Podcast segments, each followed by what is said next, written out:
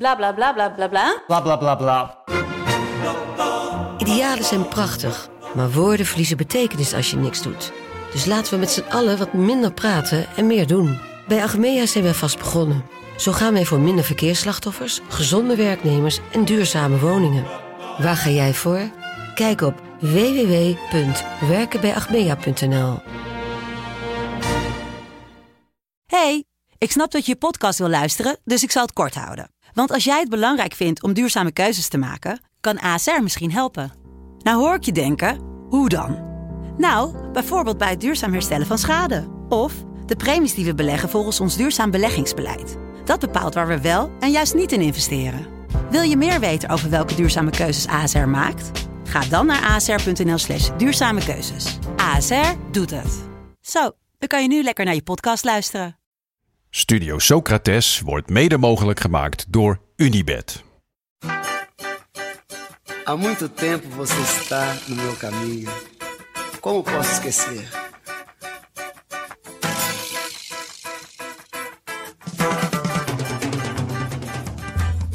Welkom bij Studio Socrates, een podcast over iconische voetbalteams uit het recente verleden.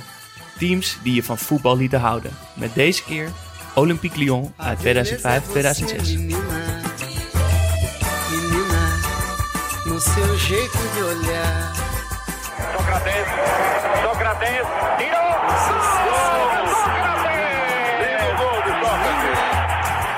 No seu modo de andar. In de jaren nul van deze eeuw gonst het dat er een outsider de Champions League gaat winnen. Veel voetbalkenners, zowel zelfverklaard als gerenommeerd, dichten een team uit Frankrijk goede kansen toe. Met spelers als Abidal, Cri en Diarra stond er een sterke basis. Fretch, Malouda en Wiltor zorgden voor de flair en de goals. Maar er was één man die bij vrijwel iedereen gelijk een belletje doet rinkelen. Juninho. Een vrije trap als geen ander. Vanaf waar dan ook op het veld was hij gevaarlijk. Ventiel, effect of toch traptechniek. Wie zal het zeggen? Het was in ieder geval altijd gevaarlijk als hij achter de bal ging staan. Maar waarom was dit nou zo'n mooi team? En wat was de reden dat ze uiteindelijk nooit die Europese prijs pakten? Je gaat het allemaal horen, maar eerst onze wekelijkse vraag voor de liefhebber. Wat is het mooiste stadion, boys? Nou, Daan, eh, laten we bij jou beginnen. Wat is, het, wat is jouw favoriete stadion? Ik moet meteen denken aan Highbury. Ja, kan dus geen verrassing eh, Nee, komen. maar sluit dat, ik me bij aan. dat komt Onmiddellijk. niet per se door het stadion zelf. Ook al ligt dat natuurlijk, of lag dat heel vet in een woonwijk. Ehm, met tribunes heel dicht op het veld. Maar het komt bij mij meer door het veld. Wat altijd zo goed was en zo'n Ja. mooie groene kleur had. En die bal die rolde zo mooi over dat veld. En mijn persoonlijke herinnering daaraan is... ik woonde, ik ben opgegroeid in de buurt van het Amsterdamse bos. En in de zomer gingen wij altijd in het bos dan voetballen. Maar dan had je een aantal hockeyvelden, die grashockeyvelden... die werden in de zomer gebruikt door de cricketers. Ja. Dus die maaiden dat gras helemaal strak. Dus dan zeiden wij altijd tegen, tegen elkaar, tegen mijn vriendjes... joh, zullen we even op Highbury gaan voetballen? en dat was dan het ene veld in het Amsterdamse bos... wat vanwege het cricket zo helemaal kort gewiekt was. En dat deed mij denken aan Highbury. En dat, dat is voor mij het ultieme voetbalgevoel. En werden jullie nooit gelijk gekikt? Nee, dat mocht toen gewoon. Ja, ik heb ook eh, uren in het Wagenerstadion eh gevoetbald. In het hockeystadion van Nederland eigenlijk. Het Walhalla voor de hockeyer. Precies. Ja. Nu je het zegt, je lijkt wel een beetje op, op een hockeyer. Nou ja, met twee broertjes die, eh, die spelen nog steeds hockey. Echt? Ja, Wauw. erg. Waar hè? is het misgegaan? Nou, niet bij mij in ieder geval.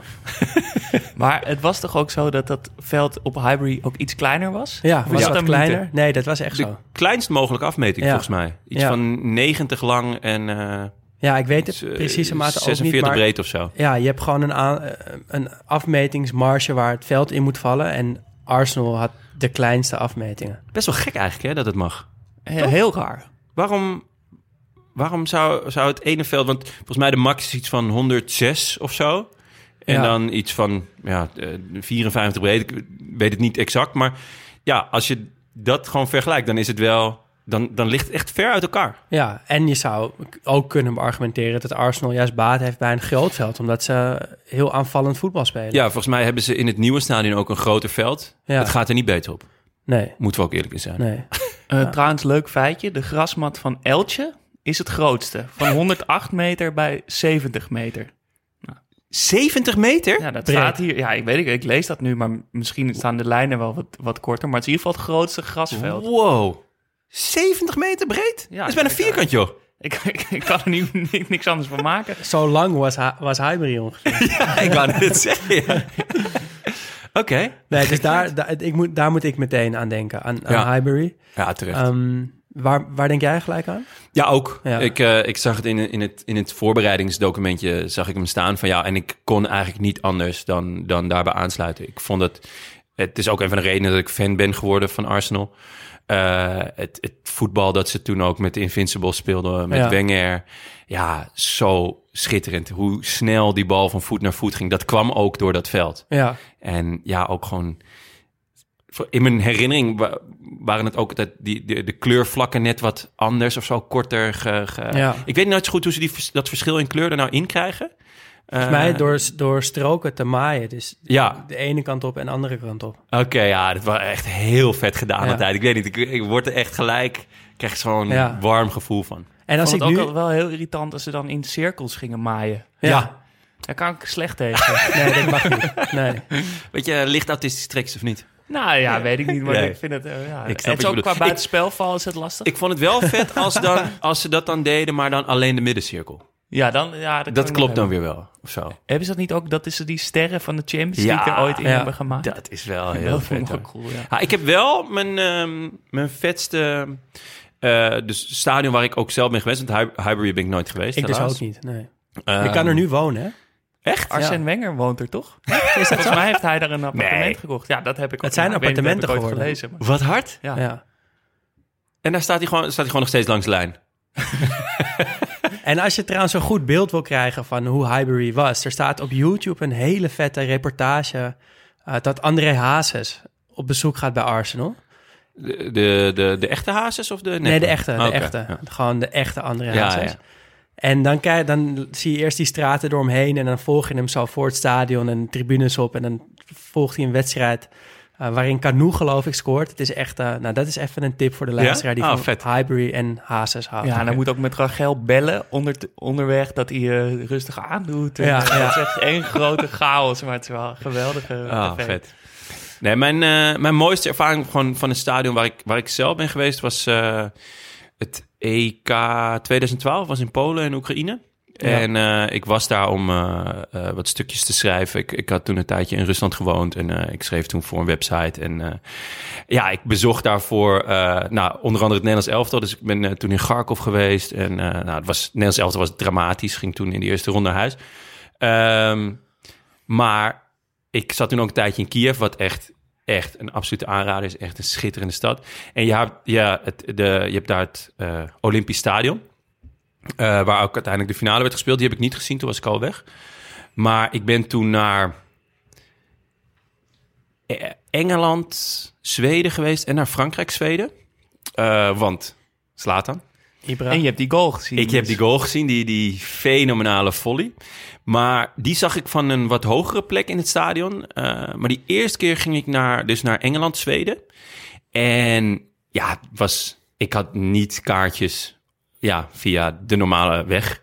Want ja, dat was fucking duur. En eh, ik was gewoon naar het stadion gegaan. Ik was met meisje en eh, een beetje om me heen gekeken. En eh, ik zag ja, Paraloesje types staan. En, Die moet ik hebben. Ja, ik dacht dus in mijn, in mijn beste Russisch, Oekraïens vraag van... Um, wat, wat kost die kaarten? En, nou, Hoe klinkt dat in het Russisch? Uh, Skolke stoeit. Kost dat. En eh, nou ja, dus een beetje, een beetje onderhandelen. En ja, de, de wedstrijd begon. Dus die gasten die moesten er ook vanaf op een gegeven moment. En ik denk dat ik in totaal voor twee kaartjes iets van 40 piek of zo betaalde. Eh, de Riefna beta- uit mijn hoofd. Eh, en ik had zoiets van, ja, weet je, voor 40 euro twee kaartjes. Het zal wel niet kloppen. Kans dat ik hier getild word is aanwezig. Maar wij eh, lopen naar binnen, kaartjes scannen en hij doet het. Dus ik echt zo... Ik had verder niet naar die kaartjes gekeken wat, wat ze normaal zouden kosten of waar we zouden zitten. Ja, vet blij. Dus wij lopen door. En eh, nou, kom, kijk ik op een gegeven moment op die kaart en denk ik... hey, volgens mij zitten we eerste ring. Nou, dat is relaxed.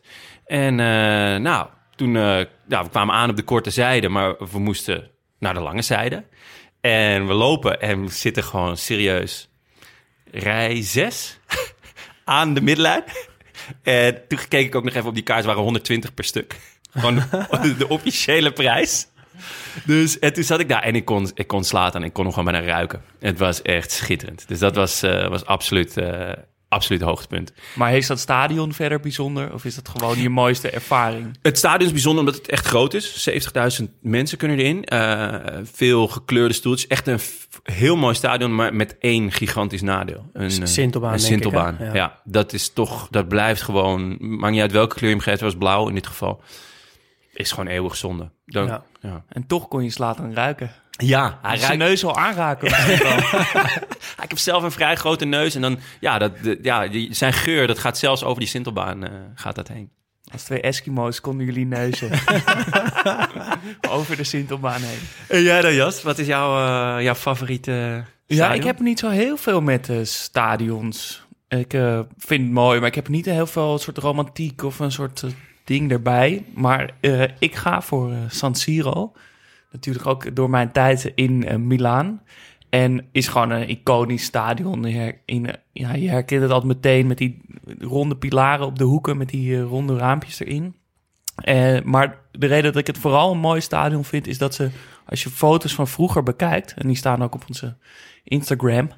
zie je dat het een... Vroeger was het nog veel mooier, dat was veel kleiner. En was het een, een soort vierkante ring met ronde hoeken. En de, de, opgang naar de bovenste ring waren allemaal diagonale soort schuine trappen.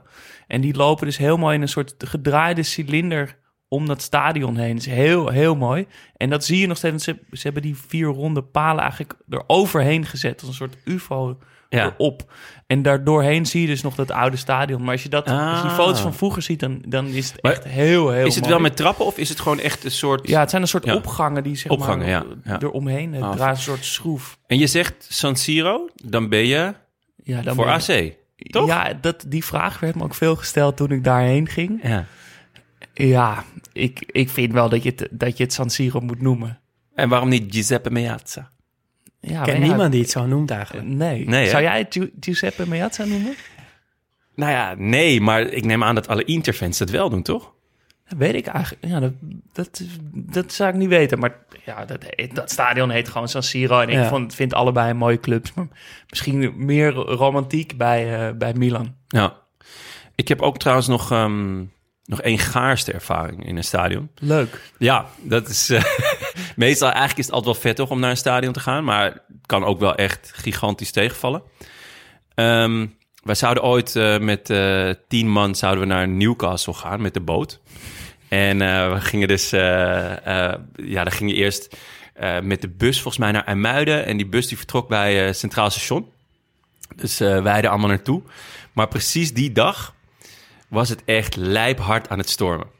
En eh, nou, wij kwamen allemaal aan, want we dachten, fuck it, we gaan, we gaan sowieso. Maar het was heel erg twijfel. Code oranje, kan het wel? Noordzee, nou, misschien wel, misschien niet. Maar ja, wij, wij komen eraan. Een aantal jongens hadden eh, hadden hun zeebenen bij zich en ook gewoon een pet op gedaan. Maar er was een discussie van, gaan we wel, gaan we niet? Op een gegeven moment ging die boot, die ging wel, maar alleen met personeel. En de helft van de jongens zei, oké, fuck it, wij gaan ook mee. Eigen risico, we doen het gewoon. Maar de andere helft, ja, toch gewoon scheiterds. Dus die Maar, gingen niet mee. maar die boot die zei, sorry, je mag eigenlijk niet mee, maar misschien alleen op eigen risico. Nou ja, wij zeiden toen van ja, we willen gewoon wel alsnog gaan.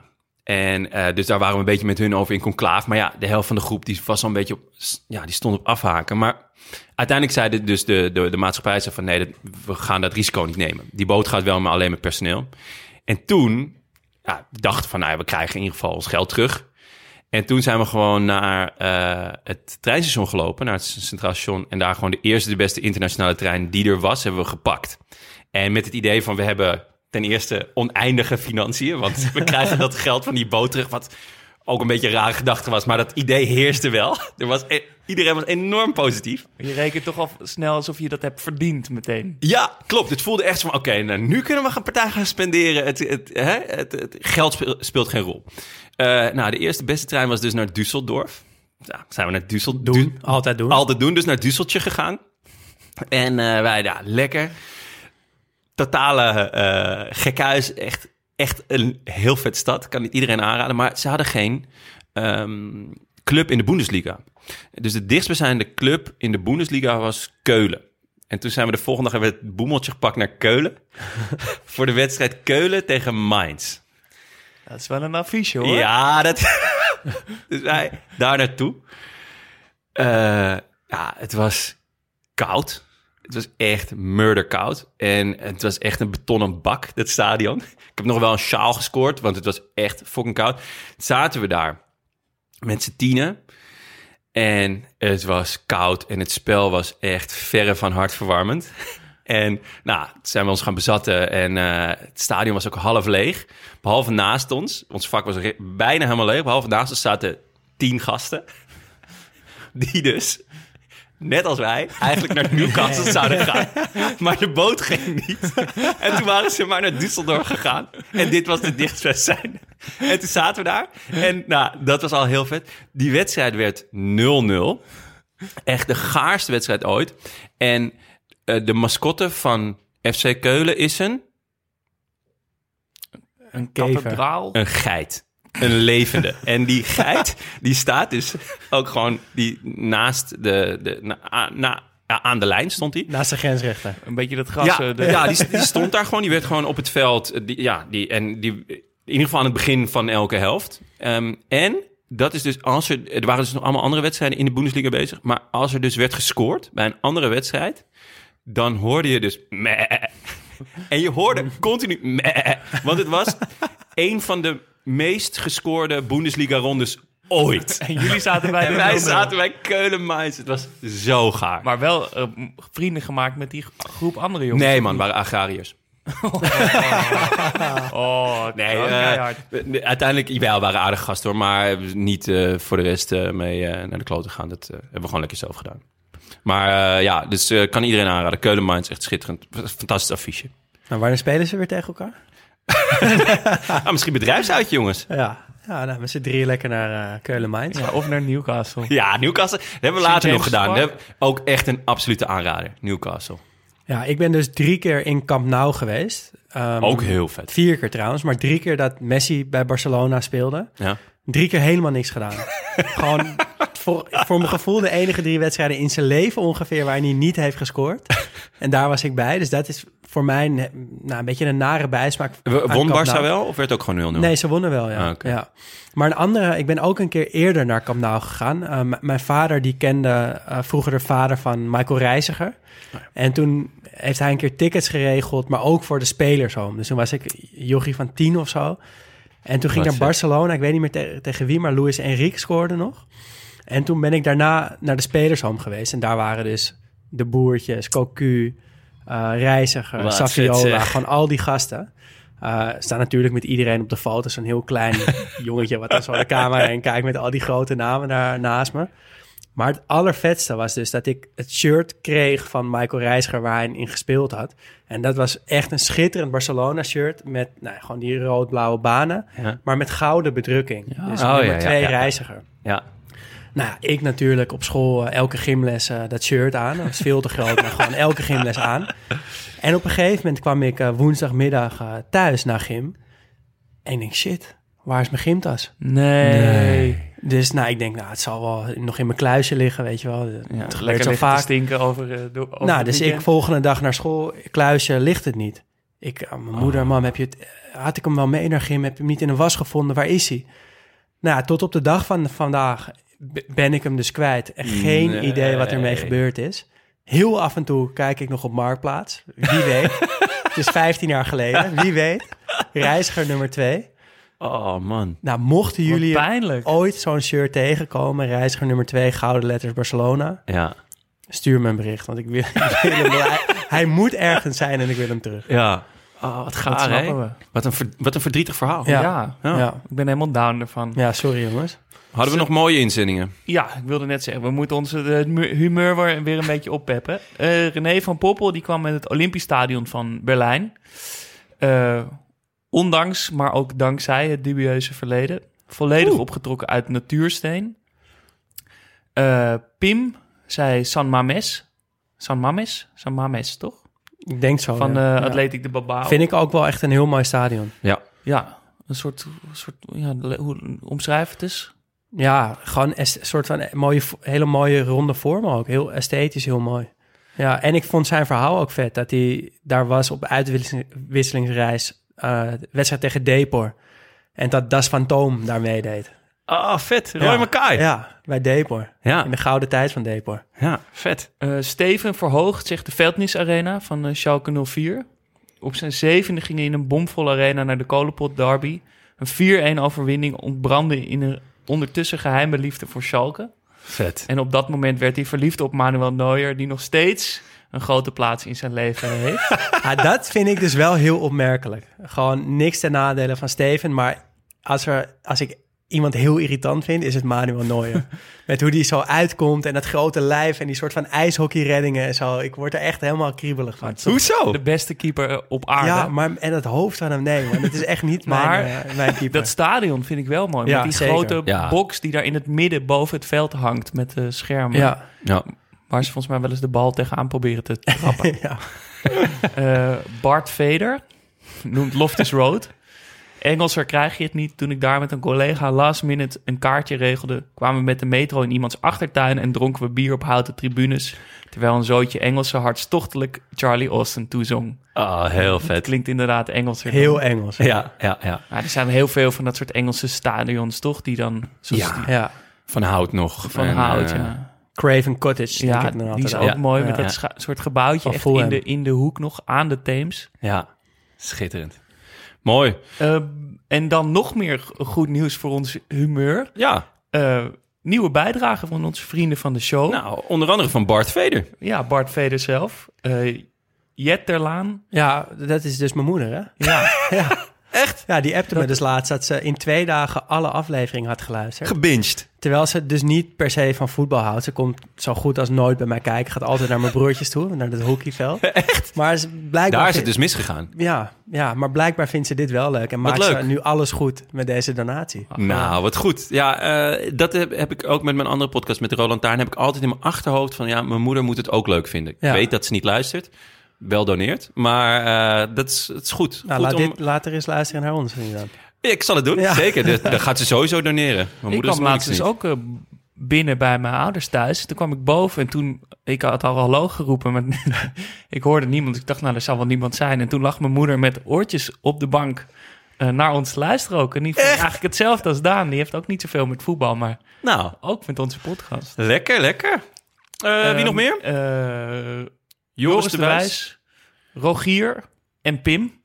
Nou, daar zijn we ontzettend blij mee. Heel vet. Ja, ik kan niet, eh, kan niet nog een keer benoemen hoe... elke keer als ik een mailtje krijg dat er een activiteit is... op de Vrienden van de Show, word ik zo gelukkig. Ja. Ehm, en we hadden een mooie review, Daan. Ja, we hadden een review. Het is een beetje onszelf op de borst kloppen... maar dit is wel even leuk om te benoemen. Ja, ja, want ehm, Baptista14 schreef het volgende. Studio Socrates, Studio Socrates. Er is natuurlijk maar één speler met wie je deze podcast kan vergelijken.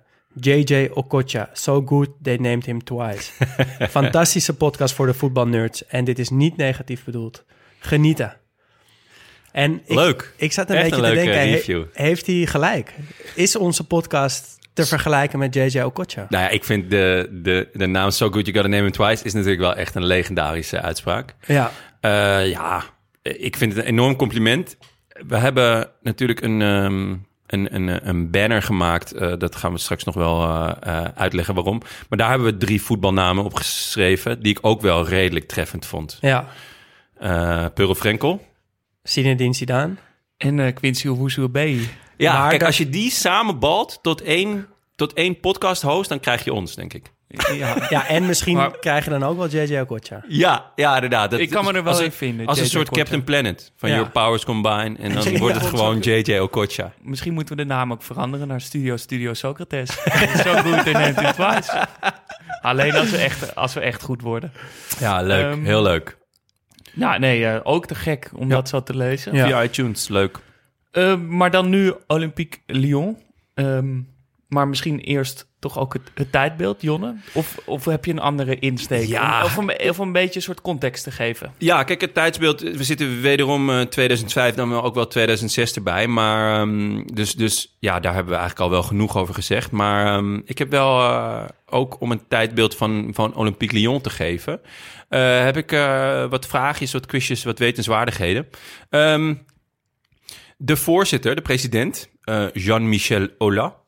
Die haalde eh, in 1999 een, eh, een bedrijf binnen eh, bij Lyon als sponsor voor vrij veel geld. Welk bedrijf?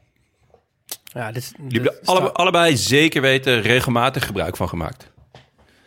Is het een automerk? Nee, Een telefoonmerk? nee, ook niet. Ehm, ja, nee. Help me even. Pathé. Ah, Ja, dus gewoon van de, Ja. ja. ja, van de films. En dat is een Ja, Frans bedrijf. En die investeerde 25 miljoen. Eh 17 à 18 miljoen daarvan ging naar eh, één speler.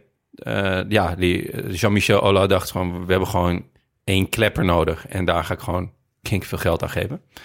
Aan wie? maar welke, welke periode was dit? Welk jaar? 1999. 1999. Dus eigenlijk vanaf, ja, nou ja, daar dus komen we zo op. Vanaf toen ging het ook wel lopen. Was het Juninho? Nee. Ehm, Sonny Anderson. Ja, Ja? inderdaad. Oh, wow. Ja, Dat had ik niet verwacht van mezelf. Ja, die kwam, Je blijft eh, me verbazen. die kwam van Barcelona. Waar die, hè, dat is ook een beetje een trend in deze podcast, eh, was mislukt onder, Een Nederlandse trainer. inderdaad, Louis van Gaal in dit geval. Eh, hij had daar wel de concurrentie van Rivaldo en Kluivert natuurlijk allebei eh, in, in, in topvorm die jaren. Maar hij kwam en hij veranderde eigenlijk ehm, ja, de sfeer, maar ook het, het beeld van, van Lyon. Er werd eh, vet voetbal gespeeld, eh, ze, maar er werd vooral ook gewoon gedacht aan prijzen pakken. Ja, maar soms Ehm, kan één zo'n speler dat al Ja, hij in is, je club brengen. hij is daarom echt, echt een legend. Hij is Ja. volgens mij nog steeds eh, jeugdtrainer. Hij, is, hij heeft tot 2006 heeft hij er gespeeld. Ehm, en vanaf 99 doen ze eigenlijk ook gelijk mee om de titel. Dus 99-2000. Eh, ze worden tweede. Maar wie wordt de eerste? Was dat niet een beetje de tijd dat Marseille heel goed was? Dat is eerder. Dat is eh, begin jaren 90 is dat. dan Die hadden moet toen het de hegemonie. Dan moet het een rare, obscure Franse club zijn geweest... die af en toe even de, de kop opsteekt. Ja, dat, dat is dus het, het hele rare aan, de, aan, die, aan die Franse competitie. Maar doe, doe eens een gok, jongens. Saint-Etienne. Hm, leuk. Het is hem niet. Eh eh, Ren. Hm, bijna. Lille? Ook niet.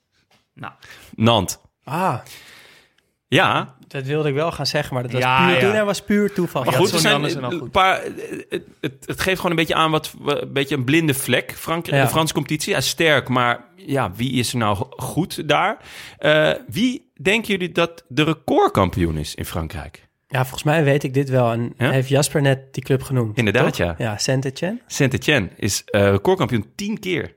Dat is ook helemaal niet veel. Dat is helemaal niet heel veel. maar dat zal dus waarschijnlijk Paris binnenkort wel gaan inhalen. Als het, Inmiddels zitten zij volgens mij op negen. eh, ja. Dus ehm, negen achtereenvolgend. Ja, dus de afgelopen jaren was eh, Paris Saint-Germain... eh, nee, nee. Eh, ze hebben twee keer eerder. En, maar de afgelopen acht seizoenen won Paris Saint-Germain zeven keer het kampioenschap. Alleen in 2016, 2017 niet. Wie deed dat toen wel? Lille? Jeetje, je merkt wel hoe, hoe groot Ja. de blinde vlekken dus is, Ja. hè, Frankrijk. Is toch Want dit is niet zo lang geleden. Eh, geen idee. Monaco. Ah, tuurlijk. Ja. Tenminste, Heel tuurlijk. gek, hè? Het- Had ik als je het maar ik had daar niet, he- Ja. totaal niet aan gedacht. En dan nog een, een, een, een, een- echt een, een, een opvallend ploeg. Een ploeg die wij misschien... Maar dat, dat zal dan echt lastig worden voor ons om daar een podcast over te maken. Omdat, ja, nou ja, blijkt maar hoe blind de vlek eh, de, van de Franse Ligue 1 is. Ehm, maar voor de hegemonie, ehm, in 2012, 2013, werd een ploeg kampioen... die twee seizoenen daarvoor nog in de Ligue 2 speelde. Wie? Ja. ehm Valenciennes. Nee. maar wel dat Laken Pak, studentenstad, mooi stad. Oud centrum, mooi. Grenoble. Montpellier. Montpellier. Ja, Montpellier. En ehm, ik, ben- ik heb even naar die selectie gekeken. Kent niemand. Eén speler kennen we. En we haten hem. Even een tip, wel iets, je, moet, je moet ons iets geven. We hebben het al, eh, al eerder over hem gehad in, eh, in deze, in deze eh, Is podcast. het een Nederlander? Nee, het is een Fransman. En eh, we hebben echt een hekel aan hem. En zelfs, zelfs ondanks de wereldgoals die hij echt regelmatig maakt.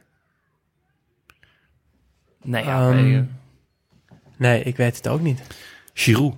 Ah, ja. Hij maakte dat dat jaar... is waar, ja, die komt van eh, Ja. Montpellier. Ja, hij werd topscorer dat jaar met 21 goals en 10 assists. Hij was Wauw. daarmee niet de MVP van het jaar. Want dat werd een speler van Lille. Die kennen jullie sowieso. Mm. Kalou. Eden Hazard. Ah, wauw. Nou ja, dat is... Maar, Maar even... Ik jullie was hadden... elke keer helemaal Ja. totaal eh, blind. Ja, en dat, vlek. dat geeft dus aan hoe, hoe weinig we meekrijgen. Ik zou ook niet weten wie de uitzendrechten heeft... bijvoorbeeld in Nederland van de Franse competitie. Ja, niemand geloof ik. Nee, toch? Nee. Ehm, Maar ik zie wel eens iets voorbij komen van Olympique Lyon, voor, van Memphis. Maar ja. Nou, ik weet dat ik vroeger altijd op maandag Eurogoals keek. Die Ja. hadden de Franse competitie. Ja. ja. Kreeg je een vogelvlucht, alle wedstrijden, alle doelpunten. Ja. Maar die voorbeelden die jij geeft, het zijn allemaal... We, we kennen al die spelers, maar bijvoorbeeld dat Giroud bij Montpellier had gezeten... wist ik helemaal niet. Ik niet. Hazard bij Lille weet ik dan wel, maar omdat je dat nooit echt gezien hebt... verdwijnt het heel snel uit je hoofd. Geen enkel beeld bij. Nee. Terwijl ja, die... en het werpt vraagtekens op over hoe sterk die competitie nou is. Want ja, we zijn dan nu wel bang voor Lille en voor eh PSG en uh, Marseille misschien ook wel. Maar, maar toch, Lille staat de eerste daar. Ajax heeft twee keer van ze gewonnen. Ja, Ja, hoe Eh, sterk is, is die competitie dan? En echt? ook dat Olympique Lyonnais, wat we nu ga- gaan behandelen, wo- wordt ook één keer in de kwartfinale uitgeschakeld door PSV en één keer ook door Ajax. Ja, klopt. Ehm, je hebt nu natuurlijk eh, Paris Saint-Germain. eh, die, Ja. die echt debiel goed zijn, maar ook wel vooral omdat ze ineens heel veel geld hebben. Ehm, maar je hebt dus ook met een beetje geld, en dat zullen we ook zien bij eh, Lyon.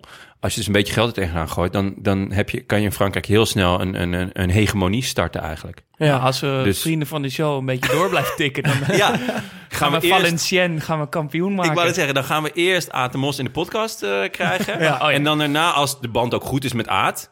dan kunnen we eh, denken aan Valenciennes kopen met Aad, Aad afkoopsom. Aad als trainer. Ja, Aad als trainer. Technisch directeur misschien. ja, wel? eh, misschien voorzitter ook wel. Ja. Gewoon alle drie. de heilige drie-eenheid. Die kan in het boek, ja? Ja, zeker. Oké, en dan eh, de basis, want dat is toch eigenlijk waarom we het doen. We, we hebben niet volgens mij heel veel momenten, omdat het misschien ook wel een beetje een blinde vlek is dus. Maar Ja, en omdat dit het team spreekt zo tot de verbeelding. Ja, Ja. en het, het- ze, ze zijn zeven jaar bereid kampioen geworden. Dus, dus ja, ik stel voor dat we gewoon die periode bespreken... met, met, een, paar, met een paar hoogtepunten, maar vooral de spelers. Ja, ja op goal. Ehm, alle zeven seizoenen ook. Gregory Coupet. Ja, Heel lang bij Lyon gezeten. Overigens nooit een vaste waarde geweest in het Franse elftal. Eh, had je Bartes en Ah, wat ja. later had je eh, Mandanda en nog een keeper. Ik ben even kwijt wie dat was, maar hij is nooit, ja. nooit echt een vaste waarde geweest. Best wel gek, want Bartes was toch wel gewoon een kippenvanger. Nou, hij was klein en dat, dat, ja, dat klinkt zo logisch, maar dat is toch heel onhandig als keeper. Was Coupé beter dan Bartes? Ja. Ja. ik moet zeggen dat ik ook niet echt onder de indruk altijd was van Coupé. Nee, het was ook niet. Het was ook geen wereldkeeper of zo. Nee. Maar ik vond Bartes vond ik, vond ik altijd heel erg overschat. Om Ja. heel eerlijk te zijn. Ja, dat snap ik wel. Ja, Maar er is, één, eh, er is één redding die hem, eh, waar hij het meest beroemd eh, door is geworden. Eh, Coupé in de Champions League in 2002 tegen Barcelona. oh ja, ja. En Rivaldo komt samen met eh Cachapa op, eh, op, het, op het goal af. Maar die is er eerder en die speelt de bal terug naar Coupé. Maar Coupé komt eigenlijk net zijn goal uit. En wordt dus bijna gelopt door zijn eigen centrale verdediger. en in een soort hele rare keuze die hij maakt, rent hij terug. En je zou kunnen zeggen dat het geen terugspeelbal is, want het is dus een beetje een hoge bal. Dus hij had hem ook uit kunnen tikken. Maar hij is dan, hij is zo, ik weet niet waarom hij die keuze maakt, maar hij rent dus heel hard terug. En met een soort vliegende kopbal kopt hij de bal op zijn eigen lat. zeg maar terugrennend. Het ziet er echt wel heel acrobatisch uit. En valt dus zelf in het, in het goal. En die bal die stuit er terug van de lat recht voor Rivaldo, die hem er gewoon in kan koppen. Want ja, Coupé ligt in zijn eigen goal. Maar kopt de bal laag naar de grond. En Coupé kan nog in een soort hele rare reflex die bal nog uit de hoek tikken. En ik denk dus dat Rivaldo dus ook een beetje schrok van die actie van Ja. Coupé. Dat hij Ja. daarom ook niet meer weet hoe die En ook geen inkoppen. Ri- Rivaldo is geen kopper, hè? Zeker ik denk, niet. Ik denk dat het voor het eerst in zijn leven was dat hij een bal kopte. Dus de, de- waarschijnlijk schrok hij daarvan. Dat, ja, dat zou misschien wel kunnen. Maar ook, ik denk ook dat dat door Ja. die eerste gekke van Coupé Vet. Ja, ik zie het helemaal voor Heel me weer. vet. Ehm, op rechtsback had je Anthony Reveillère. Wat een naam. Hele mooie naam. Jammer dat hij niet genoemd is, een paar weken geleden. Ja. Ja, zeker. Dit had niet meer staan in het lijstje. Hij speelde altijd. Ehm, maar dat was wel nou, niet per se de zwakke plek van Lyon. Maar ik dacht wel, als Ajax of PSV dan in Europa naar Lyon moest afreizen... dan dacht ik wel, bij Reveillère valt wel wat te halen. Ja, ja. Ja, echt een clubspeler. Echt een clubspeler Ook die... daardoor nooit eh, een transfer of zo gemaakt. Nee. Ja, naar Wel Southampton eh, later nog. Ja. Of Sunderland? Nee, voor Southampton Ja. volgens mij en daar totaal mislukt. Ja, ja.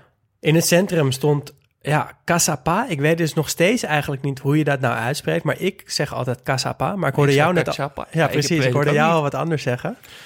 Nou, ik zeg ik Ik zeg zou wel gewoon, Cassapa zijn. ik zeg gewoon Fredge. alle, alle Brazilianen.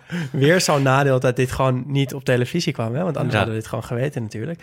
Maar hij was wel de aanvoerder van de ploeg. Een, eh, een Braziliaan. En naast hem stond een andere Braziliaan.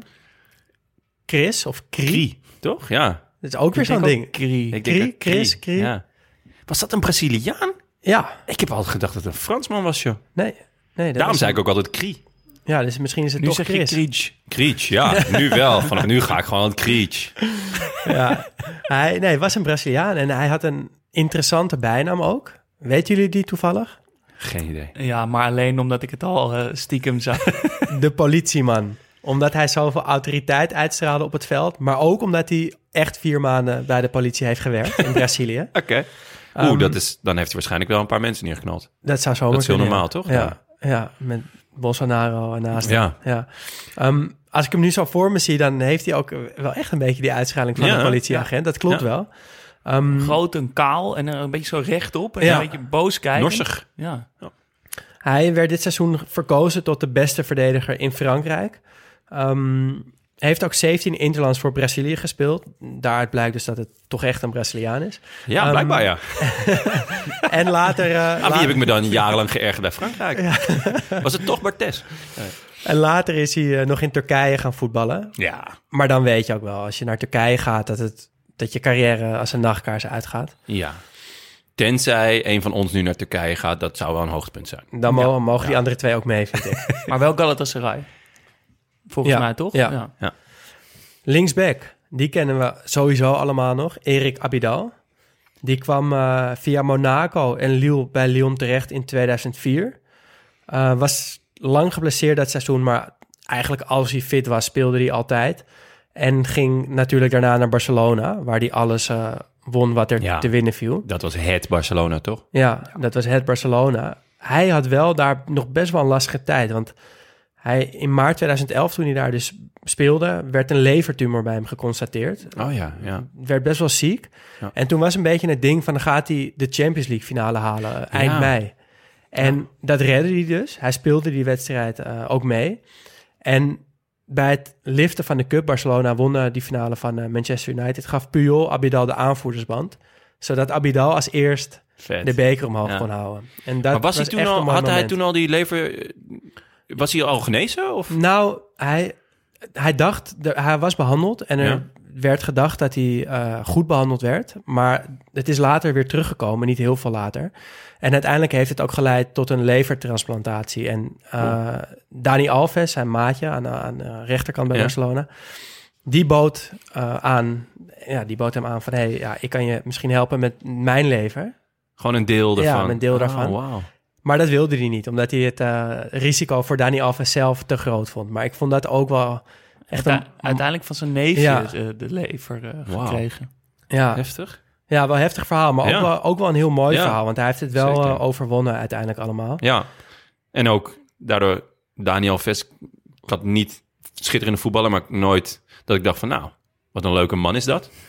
Ja, dit neem het toch wel voor hem in. Maar Ja. volgens mij hebben alle ploeggenoten van hem zeggen, al, zijn altijd heel erg te spreken over hem als ploeggenoot. Over Dani Ja. Alves. Ja. Ja. hij heeft Ja. toch ook de, een betere connectie met Messi is er toch ook nooit meer geweest. Eh, qua voetbal? Ja. Nee, ja, klopt. Ja. Eh, Abidal trouwens, hè, die kwam ook nog bij eh, Barcelona terug.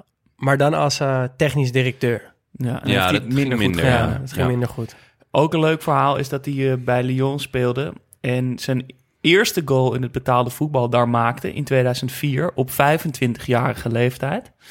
Daar scoorde hij in de 2-3 verloren wedstrijd tegen Lille. Een wedstrijd die je dan verliest. Ja, maar voor hem was het een groot moment, want hij scoorde dus eindelijk zijn eerste betaalde goal. En dat had nog meer waarde, want zijn ouders hebben ooit tegen hem gezegd dat ze zouden trouwen als hij zijn eerste goal maakte. Maar daar hebben ze dus even op moeten wachten. Dus eh, pas toen, hij, toen ze 35 jaar getrouwd waren, Wauw. eh, zijn ze door die goal getrouwd. Toen ze 35 jaar samen waren. Ja, ze. ja. sorry, ja, toen ze 35 jaar Wat samen vet waren. zeg. Ja, is toch mooi. Ja, dat is wel echt genieten. Dan komen we aan bij het middenveld. Mahamadou Diarra. Wat ik ook trouwens een hele mooie naam vind. Ja, Uh, weten jullie nog bij welke Nederlandse club hij gespeeld heeft? ja zeker. Vitesse. Ja, Hollywood aan de Rijn. precies, precies. Ehm, hij ging van Vitesse naar Lyon, terwijl hij eigenlijk naar Ajax wilde. Terug naar Ja. Ronald Koeman. Dat weet ik nog wel, ja. Ja, want Ronald Koeman was zijn trainer bij Vitesse. Die ging naar Ajax en Ronald Koeman en hij hadden een hele goede band. Dus hij wilde graag met Koeman mee naar Ajax. Lyon bood meer geld, dus hij vertrok uiteindelijk naar Lyon.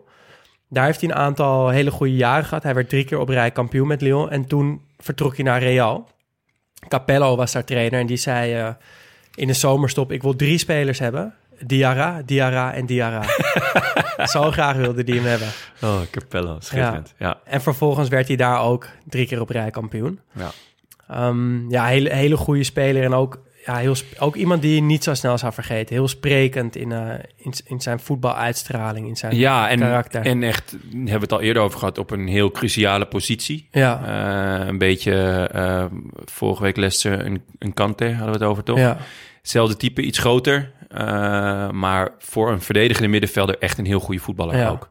Dus Trouwens, daar hij- werd nog even ons, op ons, ons op Oh, ja. gewezen dat we het dus eh, eh, Golo moeten zeggen en niet Engolo. De Oh, N is net als bij stil. Koevo. Ja, ja net als precies. met, Dat- we, wisten Ja. het dus En eigenlijk daar, al. daar hadden we dat Slordig. al goed gedaan, maar er werd ons godzijdank nog even op gewezen dat we het bij eh Kanté verkeerd. Ja. Dus bij deze Golo Kanté. Ja. Ja, en ehm, ja, een, een heel ehm, moeilijke positie natuurlijk, de, de zes.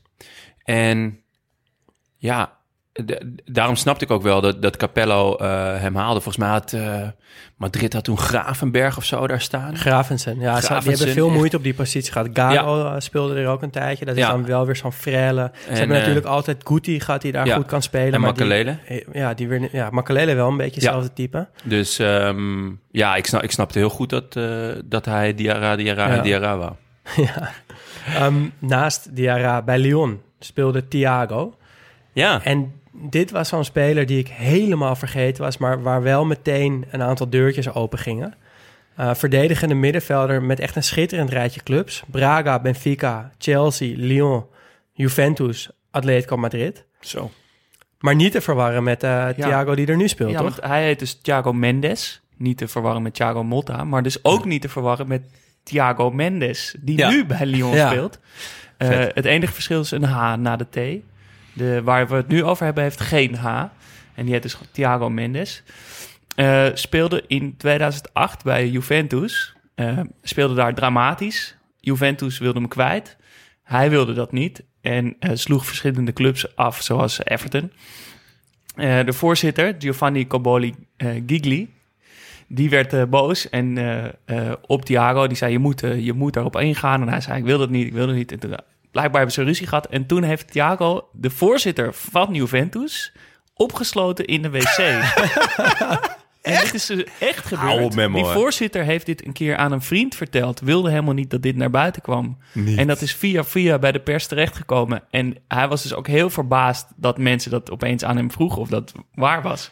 En daarop moest hij dus toegeven dat dat echt is gebeurd. Wat een vette en vraag nog ook. mooier daaraan is dat hij daar een uur op de wc heeft gezeten. En dat van iedereen Del Piero hem heeft gevonden.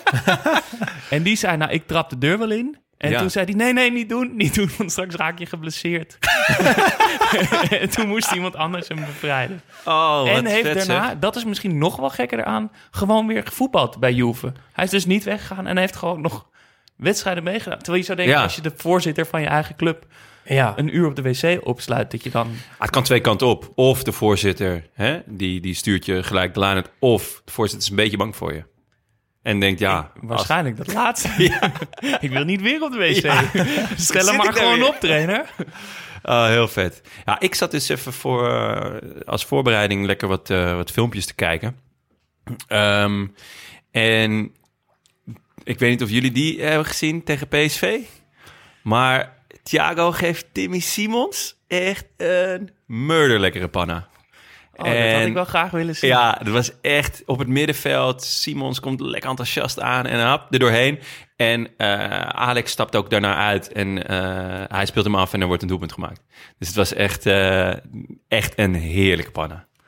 Oh, zoek het op. Ja, En dan, eh, Daan, dan komen we bij toch een beetje de reden dat we deze aflevering over Lyon maken. ja. Juninho. Juninho Ja, Pernambucano. Pernambucano, wat een naam ook. Ja, dat was gewoon... In mijn ogen, of in mijn herinnering, was hij de eerste die die lijpe vrije trappen kon nemen. Ja. Dus dat je hem zo raakt, dat hij de zwabberbal eigenlijk eh, kan ook eh, zijn doordat ja, hoe de, de ballen zijn geëvolueerd. Dus, dus gewoon het type bal. Maar zoals Ronaldo later zijn vrije trappen neemt. Eh, ja, vooral probeerde het te nemen. of probeerde te nemen, inderdaad. Ja, Juninho kon dat echt heel goed. En er zijn een aantal vrije trappen ook van hem die op YouTube staan... dat je van achter ziet en dat je echt denkt... wow, wat, wat gebeurt hier met die bal? Wat voor effect zit er aan? Dus hij geeft topspin, heb ik het idee. Dus, dus ja, dus dat, dat de bal sneller gaat, ook als hij stuitert. Want dat Ja, doet hij en- ook vaak. En dat hij dus sneller daalt ook. Ja, ja, Hij kan alles, toch? Hij, hij doet niet alleen die Nee. knuckelbal. Nee, klopt. En, en zelfs die knuckelbal, die, die voert hij ook anders uit dan Ronaldo. Want die schiet Ja. hem volgens mij gewoon op goal... en hoopt dat hij nog op het laatste moment een Ja. afslag neemt. Maar het lijkt wel of Juninho dus zorgt dat hij in de lijn... in de vlucht heel, hele rare bewegingen maakt... Maar toch precies in de kruising nog terecht komt. ja. Ja. hij had Er veel, meer, meer idee achter nog. veel meer controle. Hij was natuurlijk wel echt veel meer dan alleen eh, die vrije trap. Maar zijn, zijn vrije trap statistieken zijn echt insane, toch? Ja, ik heb het even opgezocht. Hij heeft de meeste vrije trappen gescoord van iedereen op aarde.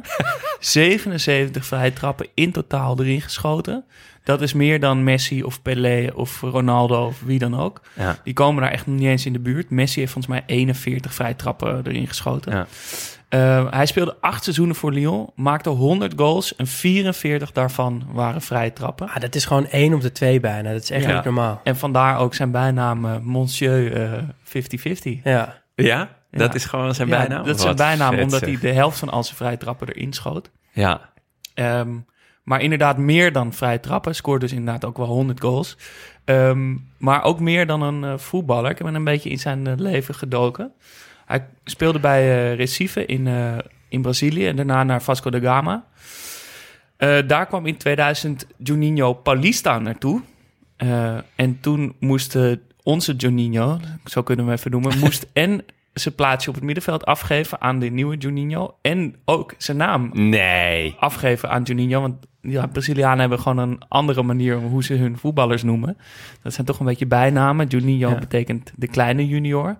Nou, daar kwam er dus nog een bij. En toen is hij eh, Juninho Pernambucano geworden naar de deelstaat waar hij vandaan kwam. Eh, Wauw. Dat heet dus Pernambucano. Wat gaar, hè? Waar Dan de baal je wel, hoor. ligt. Ja.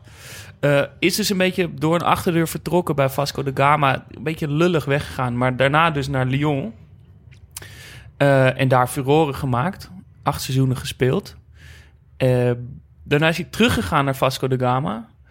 Eh, omdat hij zoiets had, ik heb mijn tijd daar nog niet... Ik, ik moet daar dan nog afmaken of zo. Het is een man met veel principes. Ehm, maar voordat hij naar Vasco da Gama ging... heeft hij twee jaar heel veel geld verdiend bij Algarrafa. En toen hij dus terug wilde naar Vasco da Gama... zeiden ze, ja, dat, dat salaris kunnen we je niet geven. Toen zei hij, nou, dat maakt niet uit. Ehm, toen is hij voor minimumloon gaan spelen. 350 eh, dollar, Braziliaanse dollar... daar kwam ik niet helemaal achter, per maand. Wauw. Eh, en is daar toch wel de groot, is daar wel uitge, heeft hij uiteindelijk toch wel de naam gemaakt die daar, daar had moeten eh, maken. En ehm, ook leuk om te noemen is dat hij overal zijn contract heeft uitgediend. Hij is nergens voor een transferfee weggegaan. Hij heeft echt een man van principes. Ik Ja. teken voor zoveel eh, seizoenen. Dan maak je die seizoenen af en vertrekt die Ah, het transfervrij. verklaart wel een hoop, want hij werd vaak gelinkt aan, aan de, de absolute top. Ja, ik vroeg me ook af van hoe kan het dat hij nooit is opgepikt door... Nee, ja, ik weet, eh, volgens mij Madrid had, had wel eh, een aantal keer echt verregaande interesse, maar blijkbaar was het dus gewoon een, een man van zijn woord. Ja, En eh, heeft Lyon ook slim op tijd verlengd met hem.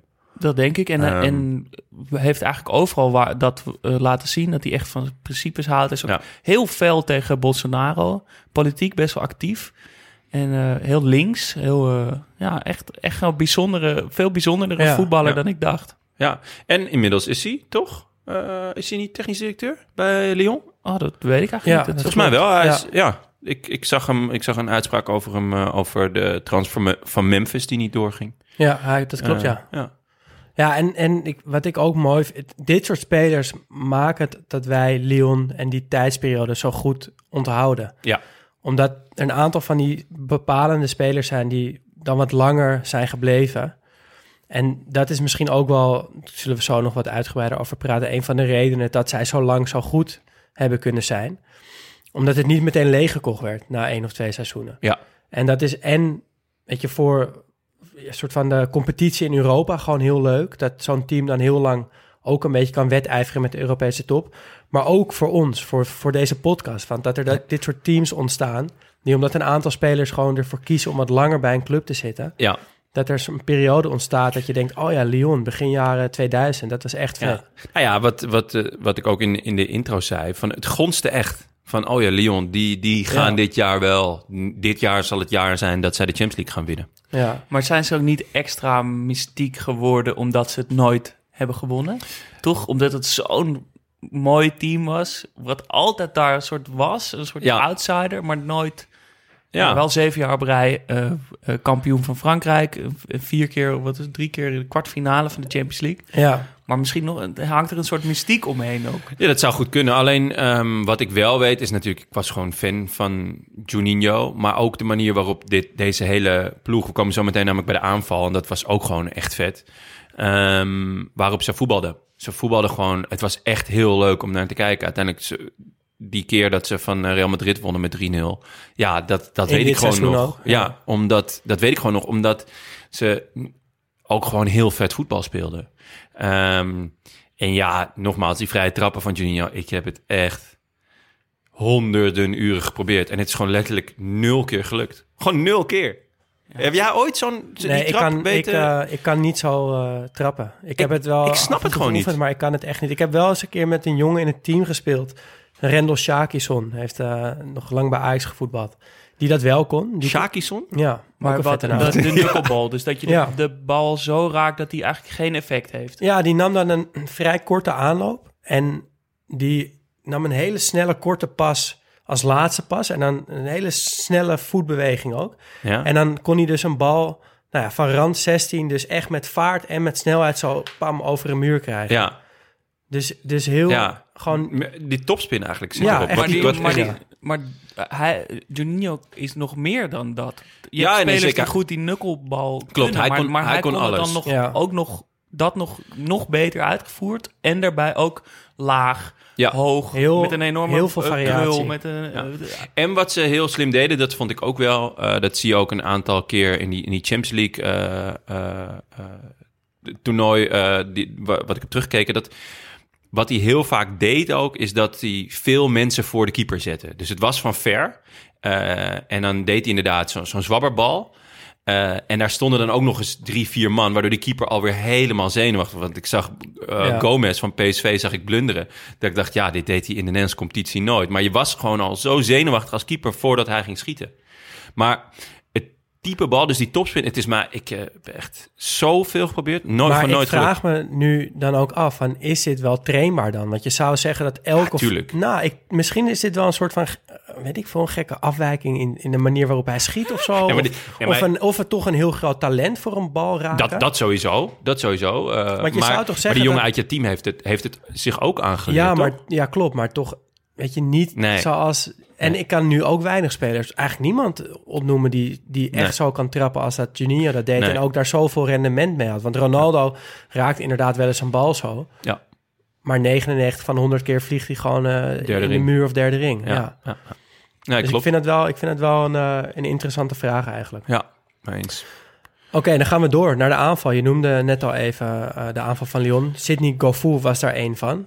Ehm, hij was al 17 jaar toen hij in de jeugdopleiding van Lyon terechtkwam. Uh, maar heeft vervolgens wel 10 jaar in het eerste gespeeld. Uh, wat me heel erg opviel was dat hij daarna bij alle clubs geflopt is.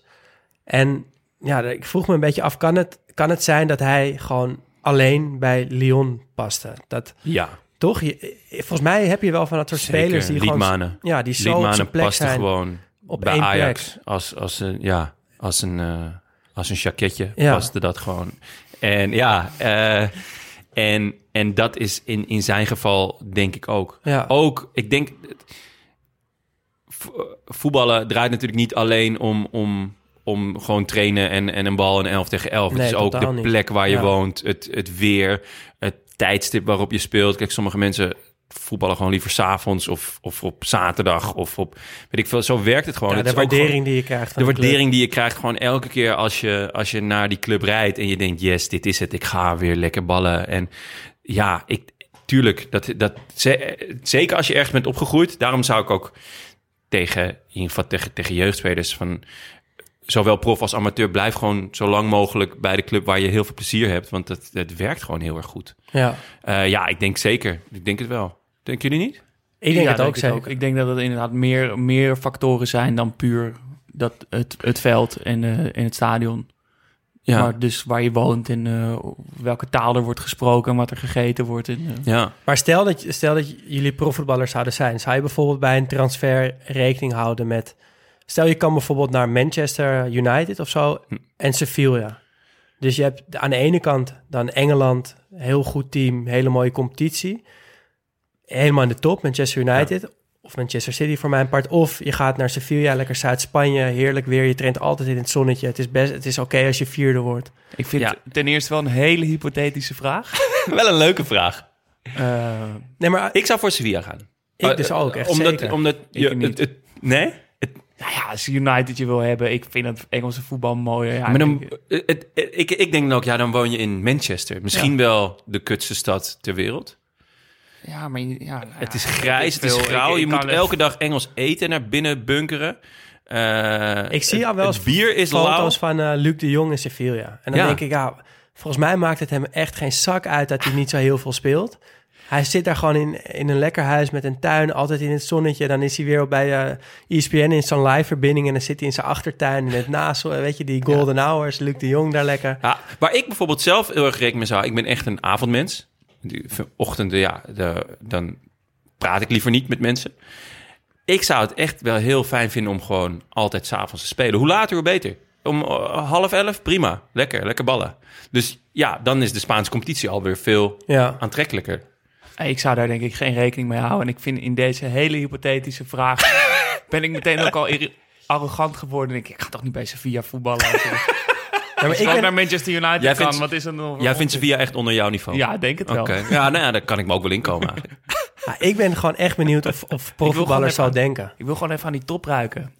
Ja, nou, dan moet je Ik- lekker ik- naar Manchester gaan. Ja, ja dat, dat is misschien wel. Dat, dit- dat zou ik ook wel hebben. Je wilt toch ook wel een keer proberen. Maar daarna, als dat dan niet gelukt is, dan, dan, dan inderdaad, dan zou ik lekker naar dat soort factoren gaan kijken. Nou, Nog iemand, ene- oh, sorry. iemand die dat volgens mij gedaan heeft, is Fred. Fred. Ja, want die eh, heeft dan inderdaad even bij Lyon gespeeld. Maar dat was ook meteen zijn enige periode in Europa. Die heeft de rest van zijn voetbalcarrière gewoon lekker in Brazilië gesleten. Ja. En ik kan me heel goed voorstellen dat dat ook een beetje om deze reden is. Dat hij daar op zijn gemak is, dat hij daar gewaardeerd wordt. Dat hij daar ook van de geneugde naast het leven kan genieten. Ja. En dat, ik heb wel eens met, eh, eh, in de horeca ook met Brazilianen gewerkt. Ik denk dat er geen enkel volk zo veel heimwee heeft. Ja, saudade. zijn, ja, naar zijn... woord voor. Ja. Ja? Saudade. Ja? Dat is dus net als in Nederlands gezellig. Daar Ja? is dus niet echt een vertaling voor. Ah. Maar het, je kan het omschrijven als een soort van... ja, heimwee, maar dan niet per se negatieve Nee. connotatie, maar gewoon het verlangen om terug te gaan naar... naar Brazilië. Ik, Ja, ik heb met Brazilianen gewerkt eh, in de keuken en dan was het echt die, die... Je zag het gewoon aan ze de hele Het waren vet leuke gasten, werkt echt knetterhard en het was echt leuk met ze aan de bar. Maar je zag gewoon continu, was er een heel klein achterkamertje in hun hoofd. Ik dacht, Ipanema Beach. ach, Brazilië. Ja. was, was ik maar in Brazilië. Ja. Van hoe gezellig het ook was en hoe leuk en hoeveel bier en weet ik wat. Ach, was ik maar in Brazil. Dit, en Ja. dat, ja, dat, dan verbaast me ook niks dat Fredge op een gegeven moment... werd- En misschien ook omdat ze hem hier allemaal Fredge noemden. Dat zou Werd natuurlijk ook kunnen. Dat hij dacht, ja, hier ben ik niet voor naar Europa gekomen. Hij heeft wel, ik moet trouwens ook meteen denken aan ehm, die Akka bij Aysati. Weten jullie die Ja, nog? man. Ja, die weet ik nog. Die was echt, Zo echt... mooi. Zo'n Akka om Aysati heen. En toen werkte hij geloof ik met links hem nog in de kruising achter Ja. Gomez. En ik en je dacht, ziet ook aan Aysati dat hij, dat hij echt ook als straatvoetballer daarop Ja. reageert. Ja. Toch? Mensen, dat hij het Ja. echt, echt pijnlijk vindt. Ja. En dat hij niet gaat om nog om te, te stoppen te schieten, maar dat hij die Nee. akka gewoon niet wil. ja, Nee, en ja. vooral niet door zijn benen ook. Ja, ja. Oh, man. Dit was wel En- ook echt het eerste moment dat ik geloofde dat Fred inderdaad een Braziliaan was. Want ik, op een of andere manier, weet je, het is helemaal Nee. niet een Braziliaanse spits qua type. Weet je, Nee. we zijn Ronaldo, Romario, Rivaldo gewend en niet, niet een type als Fred. Maar hij kon dus ook nog wel eigenlijk best wel goed voetballen. En weet je nog wat hij deed na die goal? Ja, Dat was, dat, Toch? daar stoorde ik me echt aan. ging hij niet zo met Speen. met Speen in Een zijn mond? speen, Ja. ja. Dan heb je dan, die heeft dus gewoon de hele wedstrijd met een speen in zijn broek gespeeld. Ja, die dingen zijn van plastic. Als je erop valt, dan ben je echt nog niet jarig. Ja, ik vond het echt. Ja, zo dom. Ja. Ja, En sowieso een volwassen man met zo'n speen in zijn ja, mond. Het ook ziet heel debiel. dom uit. Ik weet, eh, spits, oud spits eh, van ANVJ, eh naar eigen zeggen all-time topscorer, die heeft ooit eh, in de toenmalige kampioenswedstrijd een 1 op 1 niet afgegeven, omdat hij zelf wou scoren, want hij had aan iemand anders gevraagd, ja, om een masker voor hem bij zich te houden. En dan als hij zou scoren, dan zou hij een soort kippendans doen met die masker.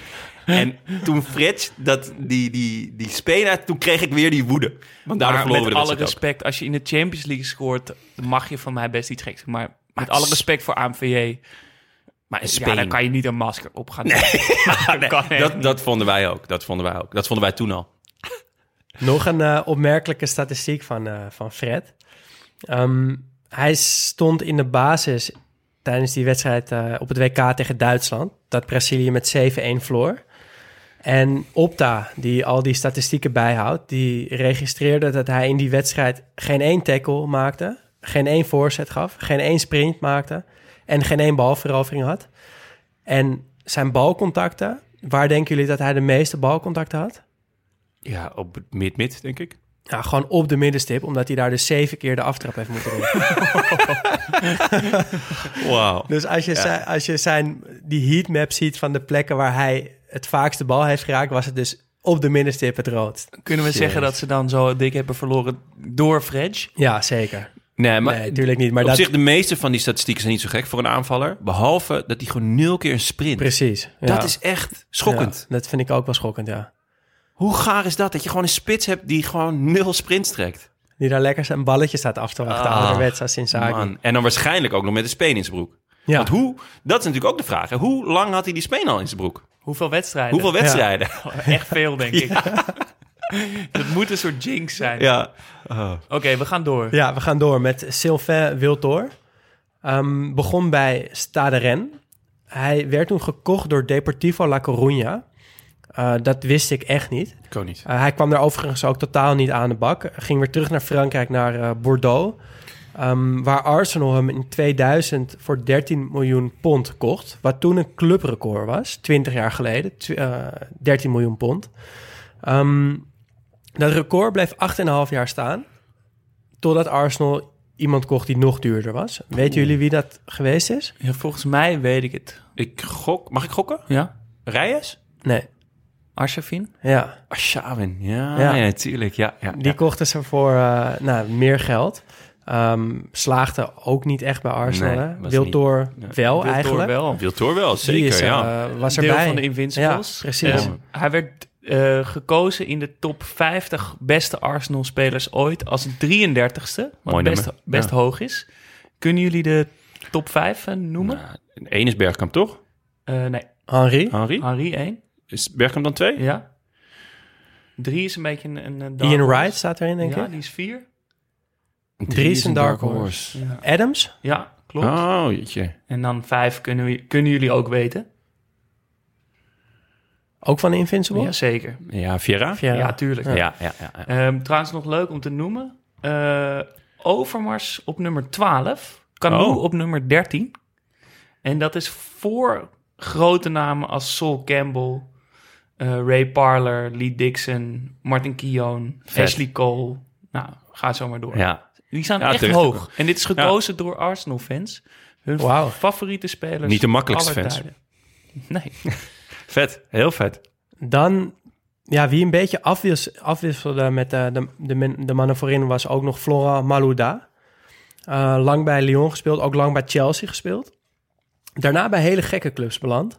Eén in India, één in Egypte. Weet je, daarvan kan je nog zeggen, leuk, avontuur. Ja. en één in Luxemburg.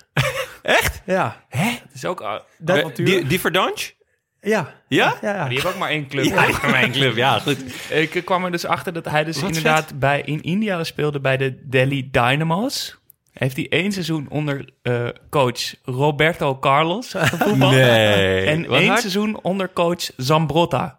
Wauw. Wauw. Nou, dat snap ik wel. Daar kies je voor de coach. ja. Ja, Ja. nou, dit is toch ongelooflijk. Ja, Ja, maar maar er was- ook een keer een aflevering aan besteden. Ja, Ja, aan de maar- Delhi Dynamo's. Er was een, eh, een tijd inderdaad dat al die spelers eventjes voor een half jaar naar India gingen. Ja.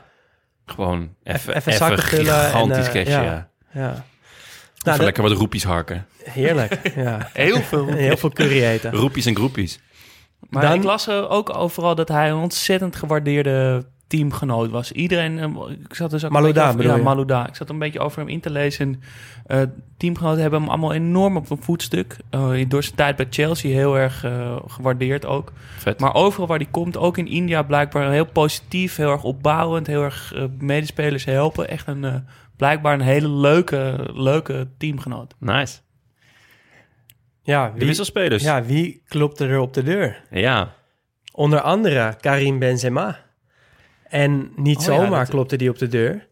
Die, eh, ja, die kwam daar in, in zijn eerste week. En nou, toch wel een team terecht met grote mannen op dat moment. Zoals Diarra, Malouda, Abidan, Gofu, noem ze maar op. En die maakte hem in het begin een beetje belachelijk. En Benzema reageerde... jongens, ik zou maar niet hard lachen... want ik kom voor jullie plek. Dat is wel Ja. heel vet. En dat, was, dat tekende wel met, nou, het zette gewoon meteen zijn voet tussen de deur. En het heeft trouwens nog wel eventjes geduurd voordat hij echt zijn plek te pakken had. Want eh, pas toen Malouda, eh, John Karev of Carew, eh, die, die ook bij Lyon speelde en Wiltor vertrokken, brak hij echt door. Maar toen won hij ook gelijk alles wat er te winnen viel. Hij, hij werd topscorer, hij werd beste speler, hij werd zelfs genomineerd voor de Gouden Bal. Ehm, ging in 2010 natuurlijk naar Real. En daar heeft hij het ook nog best wel even goed gedaan, toch? Nou, hij zit, hij zit er nog steeds. Hij zit er nog steeds. Ja, natuurlijk. Maar, maar ja, hij, hij eh, ik weet niet. Ik, ik vind hem, ja, natuurlijk is het misschien wel Ik nog meer fan. een Real man geworden. Maar ik vind hem ook, hij past ook echt goed bij Lyon. Maar ik ben dus ook geen fan. Ik ben nooit fan geweest. Ik, ik, ik weet het niet. Ik vond het, ik vond het gek genoeg vlees nog vis. Ik dacht altijd van, heb je er wel zin in? Doe je je best wel? Wat kan je nou echt goed? En nou, toen ik dus... Goals maken. Ja, goals maken. Dat, ja, Ja, maar toch ook weer niet. Ook weer niet echt goed. Maar hij heeft toch ook een geweldige ondersteunende rol voor Ronaldo gehad. En toen Ronaldo Nou, dat vind wegging, echt voor kwam hij opeens Ja. weer, eh, scoorde hij wel zelf. Dat is toch, ik Nee. vind dat wel on- ongelooflijk knap dat hij dus ja. ook zijn ego aan de kant heeft kunnen zetten. Want een makkelijke man is het volgens mij ook niet. Nee, was hij ook niet betrokken bij dat eh, hele schandaal... Ja, dat eh, ja. iemand werd afgeperst Ja, in, met een in- pornofilm. Met een pornofilm. Ja. ja. Ja, Met Valbuena was ja, dat. Valbuena had volgens mij een, was een, een pornofilm circuleerde van Valbuena, zijn toenmalige ploeggenoot bij eh, Frankrijk. Ja. En eh, die werd afgeperst daarmee en hij was een beetje het doorgeefluik daarvoor. Dus hij had er niet echt wat mee te maken, maar hij wilde dan nog wel even voor een vriend van hem of zo die wilde wat hem geld zien. dan eh, afpersen. Heel, ja, heel raar verhaal. Echt een heel raar verhaal. Nee, maar ik, eh, ik, ik ben dus ook niet een echte fan. Want ik ook niet. op een of andere manier wordt hij toch ook niet genoemd in die discussie van weet je, de beste spits van de afgelopen tijd of op dit moment. Terwijl hij toch echt al lang Hij bij Real speelt. Ja, en ook altijd in de basis. Dus het is eigenlijk ook een beetje gek dat hij daar niet wordt bij genoemd. Maar ja, Ja. ik heb dat gevoel ook niet. Ik vind bijvoorbeeld Lewandowski echt een stuk beter. Mee eens. Dus dat is een beetje moeilijk met Om Benzema. maar- Zlatan nog maar te zwijgen. Ja, ja, ja. Zullen we daar nog even over hebben? Nou, even eerst- trouwens, want ehm, in, in de voorbereiding hierop, dat wil ik nog even noemen. Eh, nou, dan ga ik natuurlijk gewoon van alles terugkijken. Ja. Dus ja, dat is heerlijk. Dan kom je in een wormhole op, op YouTube met alleen maar... Nou ja, beelden die volgens mij zijn geschoten met een iPhone 1... maar denk toen gewoon weer uitgezonden op tv. Maar de beelden zijn dus niet altijd even goed. En op een gegeven moment kwam ik dus bij een samenvatting vandaag... waarin Lyon met 6-0 won van Barcelona. En ik zo, hè, hier kan ik me helemaal niks van herinneren, wat raar. Dus ik, nou, een beetje zoeken verder en... Het, ik, ik, toen ging ik nog maar eens naar die samenvatting kijken. Ik denk, hé, wat raar. Ze juichen ook niet echt. en toen dacht ik, hé, maar volgens de samenvatting speelt Lyon ook thuis. Terwijl, ja, het was duidelijk Camp Nou. Ja, en toen ging ik dus nog wat, shirts. Ja, dus toen ging ik toch wel wat beter kijken. En het is dus een, een ja, een, een, ge, ja, een bewerkte samenvatting. Waarbij dus de, alle kansen van Lyon erin gaan. Op Maar, wonderbaarlijke maar manier. heel, heel goed gedaan. Ja, het duurt echt goed gedaan. even, want jij liet het dus inderdaad even, stuurde het door. En het duurde even voordat ik het inderdaad door... Maar alleen Ja. omdat hij niet juicht, denk je, oh, het is gemonteerd. Maar daarna, je ziet die bal gewoon erin gaan. Ja, Benzema maakte dus drie. en hij juicht niet. Maar dat is dus gewoon een fictieve wedstrijd eigenlijk. Nee, die het is dus een echte wedstrijd. ze volgens mij met in 5-2. Ja. Eh, ik heb daarna namelijk nog de normale samenvatting gevonden. Ze verliezen met 5-2. Ehm, maar elke gemiste kans die, die, die, die dus net niet ingaat of naast, weet ik wat, daar hebben ze dus met, met, met wat techniek hebben ze dus gewoon wel dat die zat. ik dacht zo 6-0 en ik dacht... En daarna dacht ik, wie doet dit? Wie, waarom, wat is nou de toegevoegde waarde dat je Nou, een wedstrijd van 15 jaar geleden denkt van, nou ja, daar, hier gaat ooit nog podcast over worden. Hier ga ik die jongens, eventjes, eh, die jongens in Nederland, die ga ik hier even goed met... Maar ons krijgen ze mooi niet te nee, pakken. ja, ik vond het heel raar. Toch? Ja, heel, Heel raar, maar heel erg grappig. Maar- Om in zo'n obscuur wormhole heel diep Ja. daarin zo'n filmpje tegen te Ja. komen. Ja. Ja, heel, heel... Misschien diezel, dat het diezelfde vriend is van Benzema... die die, eh, die gast heeft afgeperst... dat die ook dit heeft gemaakt. Het zou kunnen. Ja. Dan gaan we door Ja, want, met de nog meer bankspelers. ja, precies. Want Hatem Ben Arfa was ook een van de spelers bij Lyon die, eh, die aan het doorbreken was. Ja.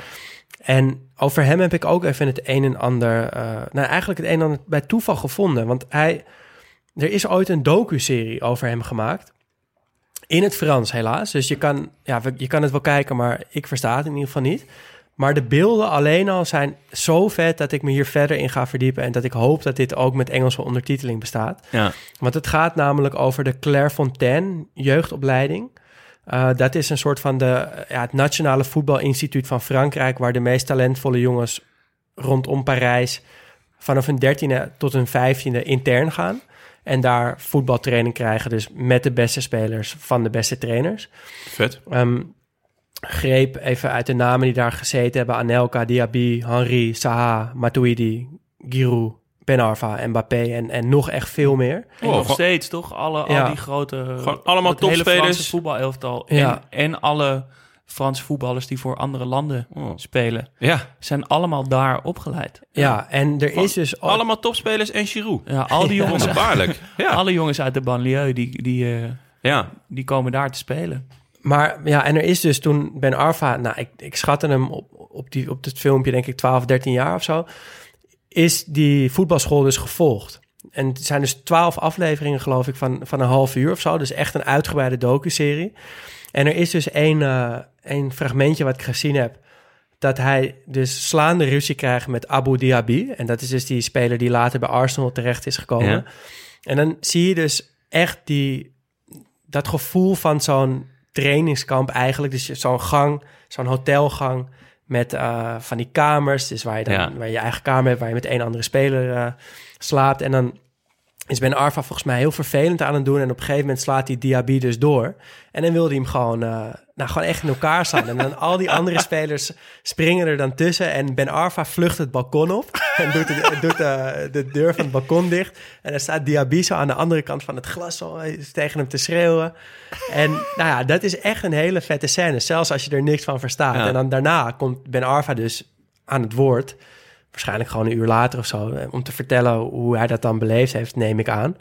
Maar ik zou dat heel graag eh, Ja. willen zien, want volgens Ja. mij is dit echt een hele, hele Heel vette vet. voetbaldocumentaire. Dus, Voor mij is hij toch wel de man die super lastig is, overal ruzie krijgt, Ja. nergens speelt, maar dan wel één keer per seizoen of zo Een een wereldgoal. wereldgoal. Ja. waar Iedereen langs gaat en dan zo frustrerend lijkt me dat als, als teamgenoot. ja. Toch? En dat hij dan daar ook nog mee kan strijken met die mooie goals. En dat je gewoon weet dat die eigenlijk heel goed is. Maar dat je er toch maar 9 van de 10 die- keer niks aan hebt. Ja. Hij postte eh, toen hij bij eh, Newcastle was, eh, daar heeft hij namelijk ook nog een tijdje, tenminste, onder contract gestaan, maar niet gespeeld. Hij eh, eh, was daar ook lastig, werd weggestuurd, kwam niet meer aan spelen toe en heeft toen ooit op Instagram een hele cynische foto gezet van hem met een taart, met één kaarsje erop, met twee duimen omhoog, omdat hij al een jaar lang niet had gevoetbald. Hij zei, ja, Oh, zoiets moet je dan toch vieren. Ja. En dan John Karev. Ja, Ja, die hebben we al behandeld. what he eh, can do with the ball, I can do with an orange. Precies, dat, is het eh, enige wat ja. we over hem hoeven te vertellen. Die Inderdaad. uitspraak van Slatan. Ja. En de trainer dan nog, hè? Ja, Gérard Houllier. Houllier. Vooral eh furoren gemaakt bij Liverpool.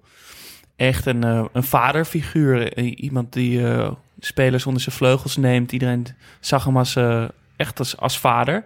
Eh, won, eh, of he- heeft voor Liverpool hele belangrijke dingen gedaan. Ehm, heeft eigenlijk de basis gelegd voor het huidige succes. Heeft een hele andere spelopvatting daar eh, geïmplementeerd. Zijn professioneler geworden. Hij vernieuwde Melwood helemaal. Ehm, Melwood is... eh, is het eh, trainings, ja, het trainingscomplex, van hun. Won in 2000 met, eh, 2001 met Liverpool de UEFA Cup, de FA Cup, het Charity Shield, de League Cup en de Europese Supercup. Liet Gerard, Owen en Carragher debuteren. En ehm, is onlangs overleden. Ja. Ja, en trouwens ook leuk, eh, Liverpool. in, in dat jaar dat hij, eh, dat hij eh, alles won, eh speelde Erik Meijer en Sander Westerveld. Voor Liverpool. Erik Meijer ook? Ja. Westerveld wist ik nog wel, maar, Maar die heeft, daar Erik echt, Meijer? ja, die heeft daar dus best wel een, een grote status in Liverpool. Alles met zijn hoofd. Alles met zijn hoofd. Sick. Zelfs dribbelen. Tak, Ja, Kerlon. Hij heeft de Zeeland dribbel bedacht. hè? Meer een wal, walrussen dribbel in zijn geval. Maar een grote man eh, voor Liverpool en dus ook bij Lyon eh, belangrijk geweest. Mooi. Ja. Ja. Ja, eh, Lyon dan, eh, omdat we dus niet, niet eh, de moment hebben, maar meer gewoon een, een tijdsbeeld geven. Ja, de zeven keer op rij kampioen. Tussen 2002 en 2008. Ehm, en Europees gonsen het dus altijd van, nou ja, eh, dit jaar gaan ze hè, wel ver komen. Maar uiteindelijk vier keer de kwartfinale, geloof Ja, ik. ja. Nou ja, Verder ehm, kwamen ze niet. En Nee, aantal jaar later behaalden ze wel opeens de halve finale. Ja. Dan weer een beetje uit het niet. ja, maar dat was wel met wel ander voetbal. Ja, en De- ook met een an- redelijk ander team ook. Ja. Met Lisandro Lopez, Kim Kalstrom, Ja, eh Pjanic zat er toen. Ehm, minder, het wa- was iets meer werk- en vechtvoetbal Ja. dan, dan het, het mooie voetbal waar, waar je toch elk jaar weer op hoopte bij Lyon. En wat je ook eigenlijk altijd wel kreeg. Alleen stierven de, eh, de Europese eh, campagnes toch vaak in schoonheid. maar heb Ehm, je, heb, hebben we daar dan een nare bijsmaak van... dat ze nooit verder zijn gekomen dan de kwartfinale? Ja. Ik niet. Nee? Nee, ja, maar ik bedoel, ik, ik lig daar niet wakker van. Nee, dat ja. ik denk, ah shit, had, had Lyon maar, waren ze maar kampioen geworden? Dat is nooit echt door mijn hoofd geschoten. En ik denk dat het dus bijdraagt aan het soort, aan die, ja, wat ik al eerder zei, een soort mystieke eh, eh, kracht of zo. Ja, maar één keer een half finale, finale was toch wel leuk geweest. Tuurlijk, tuurlijk. Eh, Zeker als je zo nu op terugkijkt, wat een geweldige elftal het was. Ja. Maar eigenlijk zou Maar je... ik vind het juist ook wel voor ze spreken. Van, Ja. Ik vind het extra Ja. cool wel. Nou, en misschien is het, is het nog wel knapper om redelijk uit het niets... een soort van... Vier vaste- keer. Ja, vast ja. in die kwartfinale te Ja. komen. Want ja, dat is waar. dat, dat doen niet Dan dat, je, steeds... dan dat je één topjaar hebt. Ja, want nog Ja. steeds doen, doet bijna geen enkel team ze dat na... die niet uit de soort van traditionele Europese top komt. Om, Ja. om Nee, dat is wel waar. Het was, het was wel wat eh, stabieler en daardoor misschien wel een grotere, grotere prestaties. Nou, nog even een paar grote uitslagen vanuit die tijd. Ze wonnen Ja. natuurlijk 3-0 bij Real. Ja, dat is Ja. misschien wel de wedstrijd die dit team het meeste Ja. eh, typeert. Ja, want daar staat alles in, toch? Ja, Ja. twee vrije trappen van Juninho. Staan ook al 3-0 en een gemiste penalty Ja. voor bij rust. En tegen Real met Beckham, Roberto Carlos, Raúl, Casillas, eh, noem ze maar op. En Sergio Ramos al, hè? Ja, Die zat er ook al bij. Als 12-jarige of zo. Ja, die komt dus van Sevilla. Ja. Die is dus niet eens opgeleid door Nee. Real. Ja. Had wel al toen, toen op zijn twaalfde al een baard. Vond ik wel opvallend.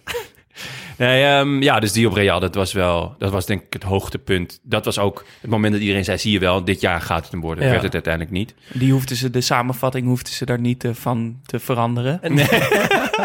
Gewoon de mij echte ging het- samenvatting. Dat jaar ging ze eruit tegen AC Milan, geloof ik. Ja. Ja. Ja, ook wel Ja. echt AC Milan in, in zijn prime. ja, en Barcelona won eh, uiteindelijk. Ja, dus eh, ook niet heel gek. Eh, nog wat mooie uitslagen. 3-2 winst op Celtic. Nou, die 4-0 tegen PSV. 2-1 van Bayern. Bayern was wel wat minder toen. En 7-2 winst op eh, Bremen. Dat weet ik ook nog wel. Ik vind dat ook nog trouwens een team wat we ooit moeten gaan doen hoor. Met eh Ailton. Ja, ja, ja, ja, absoluut. Ja. Die toen bloot in de jacuzzi het kampioenschap stond te vieren. Met de schaal in zijn handen. Nou, dit dat weet is ik het dan enige wat ik erbij kom. niet. Maar daar gaan we dan ja, maar goed. uitgebreid over Ja. hebben. Ja, dus ik denk dat we daarmee ook wel een beetje de erfenis hebben. Of, of een, misschien wat we van kunnen leren, of in ieder geval eh, waar we bewondering voor kunnen hebben. Dat het eigenlijk juist niet een one-hit wonder was. Nee. Ehm, maar gewoon dat ze structureel voor, nou ja, een jaar of, eh, of in, in ieder geval in, in, in een jaar of acht, echt structureel aanhaakten bij de Europese top als relatieve buitenstaander. Ja, en hoe belangrijk het dan ook is dat je een paar spelers hebt die daar van A tot Z bij Ja, zijn. En die, gewoon blijven. Die blijven en die niet eh, ergens anders hun geluk gaan beproeven. Ja. En toch ook wel, wat, wat, wat mij opvalt, is, is de, de, de, de blinde vlek die de, die de Franse competitie is. En hoe makkelijk je daar eigenlijk, makkelijk tussen aanhalingstekens, een, een hegemonie kan starten. Ja, Kijk, eh, Paris Saint-Germain is nu gewoon eh, de baas, omdat ze echt heel veel geld hebben. Maar Lyon had toen eigenlijk ook wel veel geld. Eh, het, het bedrag dat zij voor Anderson hebben neergelegd, ja, Ja. dat was in, in 1999 gewoon echt gigantisch. Maar nu, nu zal er niemand meer, eh, voorlopig niemand aan de stoelpoot van Paris eh, komen zagen. Die Nee, ja. gewoon echt te veel geld. Tenzij... Lille. ja, Nou, ja, misschien Ja, trouwens dit jaar het nog waar Ja. ook. Ja, maar tenzij de, de, de, de sheik die, die de Ja. basis daar er geen zin meer in heeft... en Ja. een, een ander speeltje eh, kiest. Ja, ik ben absoluut geen fan van, van deze constructies. Nee. Ik denk jullie ook niet. eh, want ja, het is uiteindelijk... koop je met geld gewoon een, een, een wereldteam... waarbij dan ook heel vette voetballers... veel vaker op de bank zitten dan mij lief is in ieder geval. Dus er zit gewoon niet echt een ziel in of zo. nee, en dat, En dat er vond in- ik wel bij dit in dit team absoluut wel, ja. Ja. Dat is ook waarom we het nu nog zo goed herinneren. En waarom we ook niet per se één seizoen herinneren, maar gewoon eigenlijk Ja. een, ja, die beginjaren eh, Ja. 2000, waarin Lyon echt verankerd zat. Mooi, mooi gezegd. Dan eh, nog, een, eh, nog een andere leuke mededeling om, dit, eh, om het verhaal van Lyon eh, eh, mee af te ronden. Want we zijn deze week te zien op enorme billboards langs de snelweg. Ja, Dat dit, is ik echt, dit is een hoogtepunt in mijn leven. Dat Ja. mogen jullie best weten. Ja, nou, we, ja dus... de, de geboorte van mijn dochter. En dan hieronder komt toch dit. Ja, we moeten Rutger Winkel van Ocean Outdoor ontzettend bedanken. om ons ja, plek te geven op de billboards. We zijn deze week te zien bij, in, bij Rotterdam bij de Brienenoordbrug A16. En bij Gouda knooppunt Gouwen eh 2 op de A12 eh, A20. Daar kun je als je langs rijdt heel groot een billboard met Studio Socrates zien. Zie je dat? Ehm, laat dan, eh, maak een foto als het Ja. lukt. Niet als je aan het rijden bent. Jawel, wel. Ook Ja, gewoon. ook Maak als je aan het rijden bent. Ja. Maar Ga doe gewoon het- even stilstaan. veilig. Maak een foto, liefst een En stuur het ons op, want Ja. eh, wij zijn heel Helaas niet met onze hoofden. Hè. Dat was het oorspronkelijke plan. Ja, maar dachten, als dat- we ooit de kans krijgen om, eh, om op een billboard te staan, dan moeten we ons, ons gezicht er ook Ja. op zetten. Maar Dat was technisch toch Ja. net iets te onhandig of zo. we, doen- we moeten toch de Inhoudelijk. podcast... eh, Nu al Ja. spijt van. Ja, echt jammer.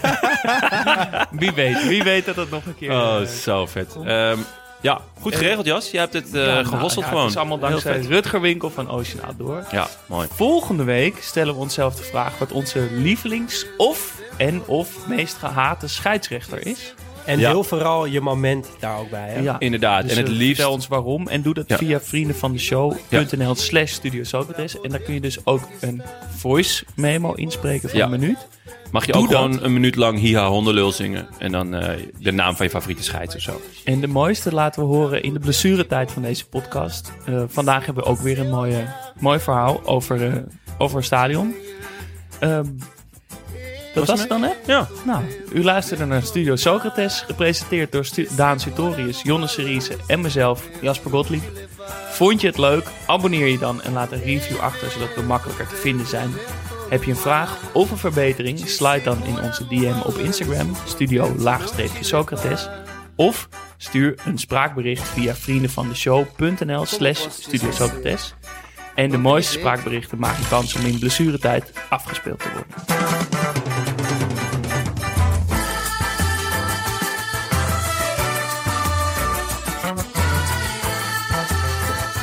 Mijn mooiste eh stadionervaring, stadiontrip was toch eh, weekendje Londen. eh Highbury, oude Highbury natuurlijk met Bergkamp, Henry, Vieira. Was natuurlijk een fantastische wedstrijd. Ik geloof 3-3 geëindigd. Vol spektakel in de woonwijk daar natuurlijk. Hè, dat je gewoon door de straten loopt en ineens dat, dat, dat mooie oude stadion ziet. Ehm, ja, voor de rest natuurlijk zaten we in een hotel. En dat bleek dus het hotel te zijn van, eh, van Arsenal, waar Arsenal zich altijd voorbereidt. Dus wij komen 's ochtends bij het eh, ontbijt. En daar, eh, nou ja, even later komen al die gasten van Arsenal aan het ontbijt zitten. Heb ik natuurlijk nou ja, mijn tafelservet gepakt, wat handtekeningen gescoord van die jongens. Ja, was al met al een fantastische trip.